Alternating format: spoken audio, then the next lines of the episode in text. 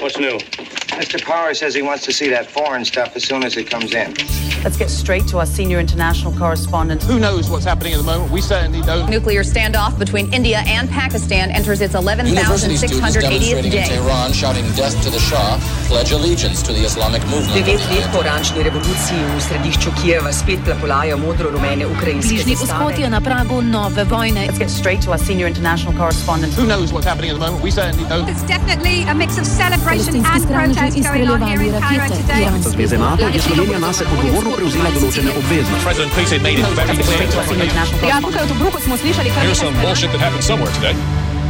According to a high official, it is believed. Foreign correspondent. I could get more news out of Europe looking in the crystal ball. Side. Libija danes.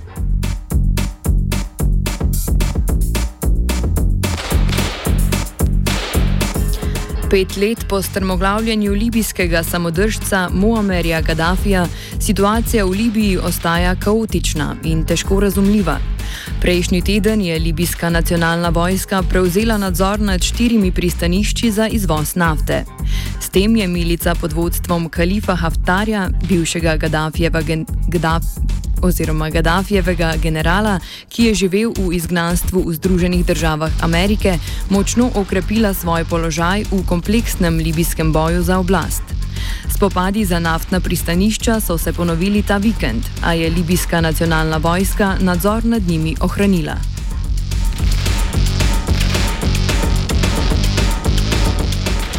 Prejšnji teden je odbor za zunanje zadeve Velike Britanije objavil poročilo o posredovanju Severnoatlantskega zavezništva v Libiji.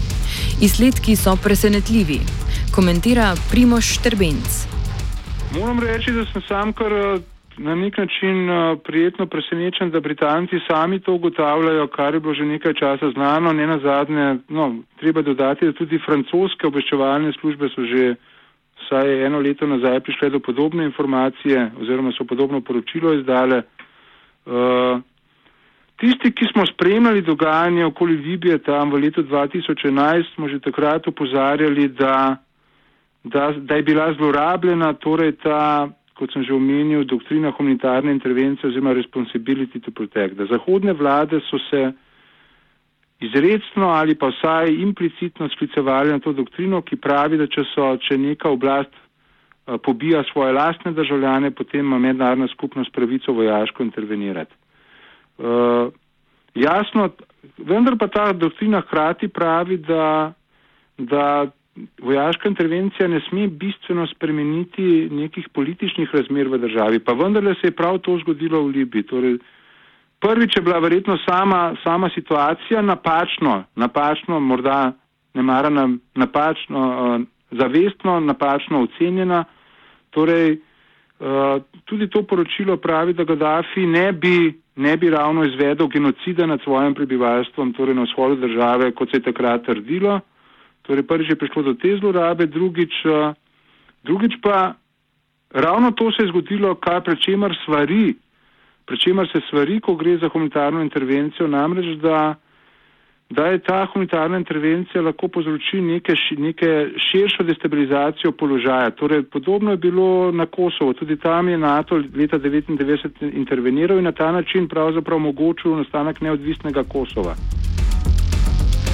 Rhiannon Smith z portala Libya Analysis poročilu dodaja, da je njegova objava prepozna, saj David Cameron ni več premijer. Tako gre po njenem mnenju bolj za pokopavanje preteklosti na eni strani in za preusmerjanje pozornosti stran od aktualnih problemov v Libiji na drugi. The report um, that's come out is so yes, it does describe that uh, it was based on sort of not false evidence, but a lack of intel and perhaps poor assumptions. But I think the way that the report has been uh, portrayed, certainly in the British media, is not particularly accurate or fair in that the NATO intervention in Libya was called for by the Arab League. At the time, it was called for by the National Transitional Council, which at that time, um, post Gaddafi, had been recognised as a sort of legitimate power of the Libyans. Um, so I think that is perhaps looking at, at the wrong issue. And I think one of the other things is that the report has been brought out at a time now where David Cameron is no longer Prime Minister. I think it's something that's been done by Theresa May so that she can kind of put that legacy and uh, behind her. And I think that really this report is covering up what the real issue is, which is actually what is happening in Libya today. I think the report is kind of detracting away from the real issues and the solutions that we could be working on in Libya at the moment, rather than apportionating sort of political blame for what happened in the past. V podobni luči Smith vidi tudi razkritja zahodnih interesov v elektronskih sporočilih ameriške predsedniške kandidatke Hillary Clinton. This is a very similar thing. The report that's come out, which has largely blamed David Cameron for the UK getting involved in Libya and a lot of the problems that have happened there since, I think is on a similar spectrum to what happened with Hillary and her emails, in that it's a lot of political playing and jousting, and actually it's not focusing on the real issues because although, yes, for example, the case of David Cameron or with Hillary's emails, there would have been things that perhaps could have been done differently, that detracts from the real issue, I think, of what is actually happening in Libya. And as I mentioned, with David Cameron in the UK intervening in Libya, the fact that this was something that was called for um, by the Arab League, by the NTC at the time, and therefore I don't think it's particularly useful to go back and, and go over this in too much detail because I think you can then end up, you know, revising history in a way by, by doing that. Trenutna situacija v Libiji je kompleksna. Za prevzem oblasti se potegujeta dve vladi. Zahod trenutno podpira vlado narodne enotnosti, ki je stacionirana v Tripoliju. V vzhodnem mestu Tobruk pa še vedno deluje konkurenčna vlada, ki je Zahod podporo odrekel letos aprila. Poleg omenjenih v bojih sodelujejo še mnoge milice, ki svojo lojalnost menjajo situaciji primerno. Nadaljuje Smith. There are a whole host of issues in Libya. Um, the situation is very complex. You have two parallel governments in the country. A lot of the institutions are divided. What has happened in the last week is that General Haftar, who is under the legitimacy of the House of Representatives in eastern Libya, he has actually taken control of the oil crescent ports in central Libya, which were previously held by uh, Ibrahim Jazran and his forces uh, were aligned to the government of National Accord, which is based in western Libya. So you have a situation whereby no one is really sure who is in control of which institutions. For example, the Libyan Investment Authority, the central bank. No one is really sure who's controlling what. There is a UN uh, political process, but as events of, of the recent week um, have demonstrated, the political process and the government of national accord, which is the government created by this process, are very out of touch with what is going on in the ground. Um, unfortunately, they've appointed people to power who are very disconnected, who don't really know what's going on on the ground, and are very much controlled by different political factions, and therefore there is a lot of division and political fragmentation in the country. And with the recent um, attacks in the oil crescent, it's quite likely that there could be a, a bigger escalation of conflict and fighting between different militias that are aligned to different political groups. Libija je še vedno razdeljena in fragmentirana. Kopja pa se razumljivo klešajo okrog nafte. Lokalno politično ureditev opiše Štrbenc. Namreč, da je Libija v osnovi še vedno razdeljena na dve politični skupini, da Zahod države nadzoruje nadzoruje torej uh, libijska zarja, ki je sprejela libijska zarja, torej že nekaj, že več mesecev, shod pa, shod pa dostojanstvo, oziroma skupina dostojanstvo, ki jo vodi Halifa Haftar. V zadnjih mesecih se je do neke mere uspelo uveljaviti tako imenovani vladi nacionalnega dogovora, ki jo vodi uh, Favas Serač In ta vlada nacionalnega dogovora si želi vse čas pridobiti tudi nadzor nad temi naftnimi pristanišči. Nadzor nad naftnimi pristanišči je imel, torej je imel do sedaj v rokah tretji akter, ad hoc akter, uh, Ibrahim, uh, Ibrahim uh, Džaftar, ki, ki je lahko samostojno tudi bojkotiral izvoz nafte oziroma je poskušal postati nek samostojen akter in ni hotel sodelovati z vlado nacionalnega dogovora, ki jo vodi ta že omenjeni Serač, ki ga podpira tudi Zahod. Uh, kar zadeva nafto, treba reči, da, da so dogajanja po letu 2011, ko je padla, ko je bil zrušen Gaddafi, pokazala, da Libija v naftnem smislu zgolj nazaduje, da če je še leta 2011 proizvedla milijon in petsto tisoč sodov nafte na dan, je, je danes proizvede zgolj eno petino, okrog 300 tisoč sodov. Tako da v bistvu karkoli se že dogaja okoli teh naftnih pristanišč, uh, je v bistvu zgolj odsev širšega dogajanja v Libiji. Kdor nadzoruje naftna pristanišča, nadzoruje tudi dobičke. Če pa so ti v rokah organizacije, ki ni mednarodno priznana, se izvoz ustavi. Tudi prekinitev izvoza nafte je močno politično orožje v Libiji, pojasni Smith. So, the oil crescent and all of Libya's oil installations have always been a hotbed for conflict between different militias. Because if you control the oil in Libya, you control the revenue. And this means that you can blockade oils, you can prevent, um, for example, gas pipes. You, some militias turn them off. You can blockade ports. You can stop people getting into the ports. And this means that the government is unable to access the oil revenue, and therefore you have a lot of political leverage. Now, the interesting thing with what's happened recently is what, what has generally happened before when there have been blockades, as happened with Jadran in 2013 and 2014, is that because they are not internationally recognised, they can't then export oil through the National um, Oil Corporation. So although they control the resources, they aren't able to benefit from them, but no one else is either.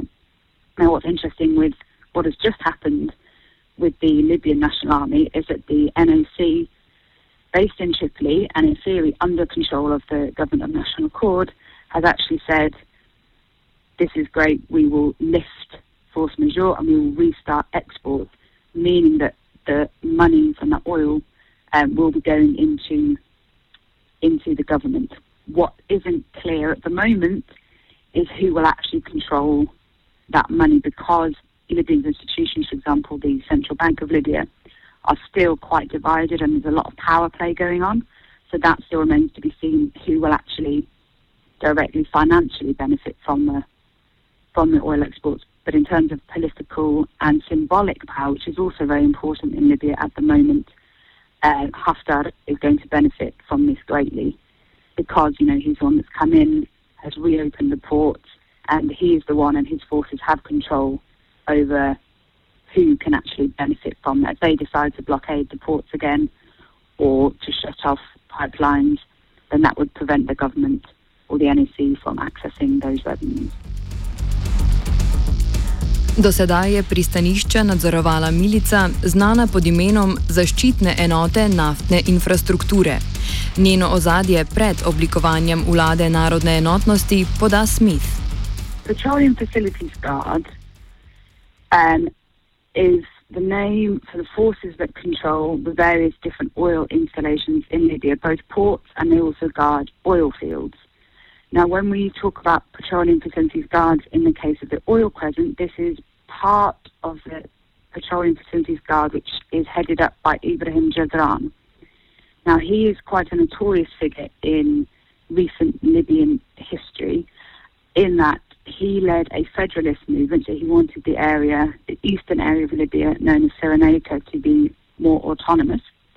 And from 2013, he and his PFG forces blockaded the four key oil crescent ports to prevent the government at the time in Tripoli from gaining access to the resources um, as leverage, political leverage, to try and get more autonomy and independence for the eastern region. Po oblikovanju vlade narodne enotnosti je ta sklenila dogovor z zaščitnimi enotami naftne infrastrukture. V zadnjem tednu pa so nadzor nad pristanišči za izvoz nafte uspele prevzeti sile pod poveljem generala Halife Haftarja, ki vladi narodne enotnosti nasprotuje. Z razmerjem moči in dinamiko, ki je temu botrovala, nadaljuje Smith. Now, since then, the government that was in Tripoli, uh, the House of Representatives, has divided, and we now have the Parliament, the House of Representatives, based in eastern Libya in Tobruk, and there was then the old government of national, uh, the General National Congress, sorry, in Tripoli. We now have the government of national accord, which is the product of the UN Libyan political agreement based in Tripoli. Now, during this time, the ports in the oil crescent were still controlled by Jadran's PFG. However, they, during this time, had decided to align themselves to Tripoli, to the GNA, rather than, because they are sort of old enemies of Haftar, who is linked to the Eastern government. Um, now, what happened recently is that the UN was very keen to get oil exports going into to lift force majeure, which has been in place on those four oil ports in the oil crescent, which means that um, the authorities aren't responsible if they're if um, they're unable to meet the terms of their contracts with shippers. So uh, recently in July, the UN Libyan envoy made a deal with Japan to reopen these ports. Now this was actually very controversial in Libya because many people don't like him. They don't like the PFG because he's seen as blackmailing the Libyan people. He kept a lot of, you know, millions of pounds worth of oil resources from going into the Libyan bank um, during the time when Libya really needed them, and therefore that was a very unpopular deal. Now, what has happened in the last week is that Haftar, General Khalifa Haftar, who is the head of the Libyan National Army, which is allied to the Eastern government in the House of Representatives, they have come in and they have very quickly, surprisingly quickly, they were able to take control of the ports. Um, this was partly because actually Jadran's support base was not that strong. A lot of people were beginning already to turn against him. So when faced with the option of either sort of surrendering or fighting, most surrendered, and the Libyan National Army were able to take over the Oil Crescent port. Drug pomembni akter je tako libijska nacionalna vojska, ki jo vodi general Khalifa Haftar. Kljub temu, da naj bi zahodne sile uradno podpirale vlado narodne enotnosti, pa oportuno in glede na situacijo, naprimer v boju proti islamski državi, podpirajo tudi druge milice, kakršna je Haftarjeva nacionalna vojska. Nestabilnost Libije se tako podaljšuje. Štrbenc. Torej, Khalifa Haftar vodi koalicijo dostojanstvo. Je človek, ki je, ki je general, torej ima vojaško, vojaško ozadje. Uh, predvsej časa je živel v ZDA. Uh, kot sem že omenil, torej vsaj leto dni že nadzoruje vzhod države oziroma Cirenajko. Uh, je tisti, ki se skuša priljubiti, priljubiti zahodo, zahodu, predvsem z izpostavljanjem da se bori proti islamistom, torej da zastopa neko sekularno, sekularen program in da, torej, da se bori proti islamističnim milicam, ki so še vedno navzoče na zahodu države. Hkrati pa je Halifa Haftar tisti, ki očitno hoče, eh, torej že sedaj nadzoruje vojaške sile na vzhodu, ima pa ambicijo širšo po nadzoru vojaških sil, zato je tisti, ki pravzaprav uh, je oseba, ki že nekaj mesecev torej, uh, spodkopava možnosti, da bi vodja vlade nacionalnega dogovora Serač dobil legitimnost na, na ozemlju celotne Libije. Namreč zaradi halife Haftarja vzhod države noče podpreti sporazuma, na podlagi katerega je Serač bil izvoljen za predsednika vlade nacionalnega dogovora, Haftar pa torej ta vzhod pa zaradi tega noče sprejeti tega sporazuma, ker ne sprejema določila v sporazumu, da naj bi novi premije v vladi nacionalnega dogovora prevzel tudi nadzor nad vsemi vojaškimi silami v Libiji. Torej, Halifa Haftar na vzhodu noče, noče oddati od sebe nadzora nad vojaškimi silami. Kolikor smo lahko, smo osvetlili lokalno dinamiko interesnih skupin. A na situacijo je potrebno pogledati tudi v geopolitičnem kontekstu. Štrbenc zaključi z geopolitičnim tekmovanjem za Afriko ter igro Zahoda, ki stavi na več igralcev. Moramo vse skupaj postaviti v širši kontekst tekmovanja za Afriko. Da v Afriki poteka nova tekma za Afriko na eni strani med Zahodom, na drugi strani recimo najpomembnejši akteri sta Zahod in pa Ljudska republika Kitajska. Gaddafi se je zmeraj bolj uh, v, zadnjih letih nagibal v smer Kitajske, načrtoval je, da bo uh, vsaj del svojega silnega, torej bogatstva Libije v bankah 180 milijard, da bo vsaj del tega bogatstva prenesel iz francoskih v, v kitajske banke. Skratka in to, verjetno, da je bil to tudi eden razlogov v zadju, zakaj so ga rušili. Poleg tega, je Gaddafi hotel vzpostaviti afriški zlati dinar, na podlagi katerega bi Afrika morda lažje in bolj neodvisno ekonomsko zadihala in ne mara je bil tudi to razlog za to, da, da so ga zrušili. Najmanj, kar je mogoče reči, je to, da, je, da so zahodne države pravzaprav zlorabile resolucijo Varnostnega sveta OZN številka 1973, ki sta jo odobrili oziroma sta omogočili njen sprejem tudi Rusija in Kitajska, ki pa je dovoljevala zgolj zaščito civilistov, neposredno zaščito civilistov, ne pa, ne pa tudi rušenja Gaddafija. Pa je vendarle na podlagi te resolucije od, od samega začetka naprej posem jasno bilo, da se ruši sam Gaddafi. Torej, od tedaj naprej smo lahko zelo skeptični glede teh uradnih zgodb Zahoda, da, da se mu gre samo za najbolj, tisto, kar je najbolje za Libijo. Eh, tisto, kar se mi zdi vredno podariti, je to, da še vedno so te silne milijarde v tujih bankah uh, blokirane. Torej, da Zahod saj posredno lahko ima nadzor nad uh, velikim premoženjem, ki ga ima Libija v bankah v tujini. Uh, hkrati pa Zahod kalkulira glede tega, koga bi podprl na terenu. Tako da na nek način, kot ste rekli, uh, skuša igrati na več akterjev. V prepovedanem položaju se je znašel noveli. Drago ljudstvo, nafte ni več. Od sedaj naprej se bomo prisesali na zlati kozmični prisesek. Ekskluzivni distributer, Radio Student. In their case, the combination was wrong.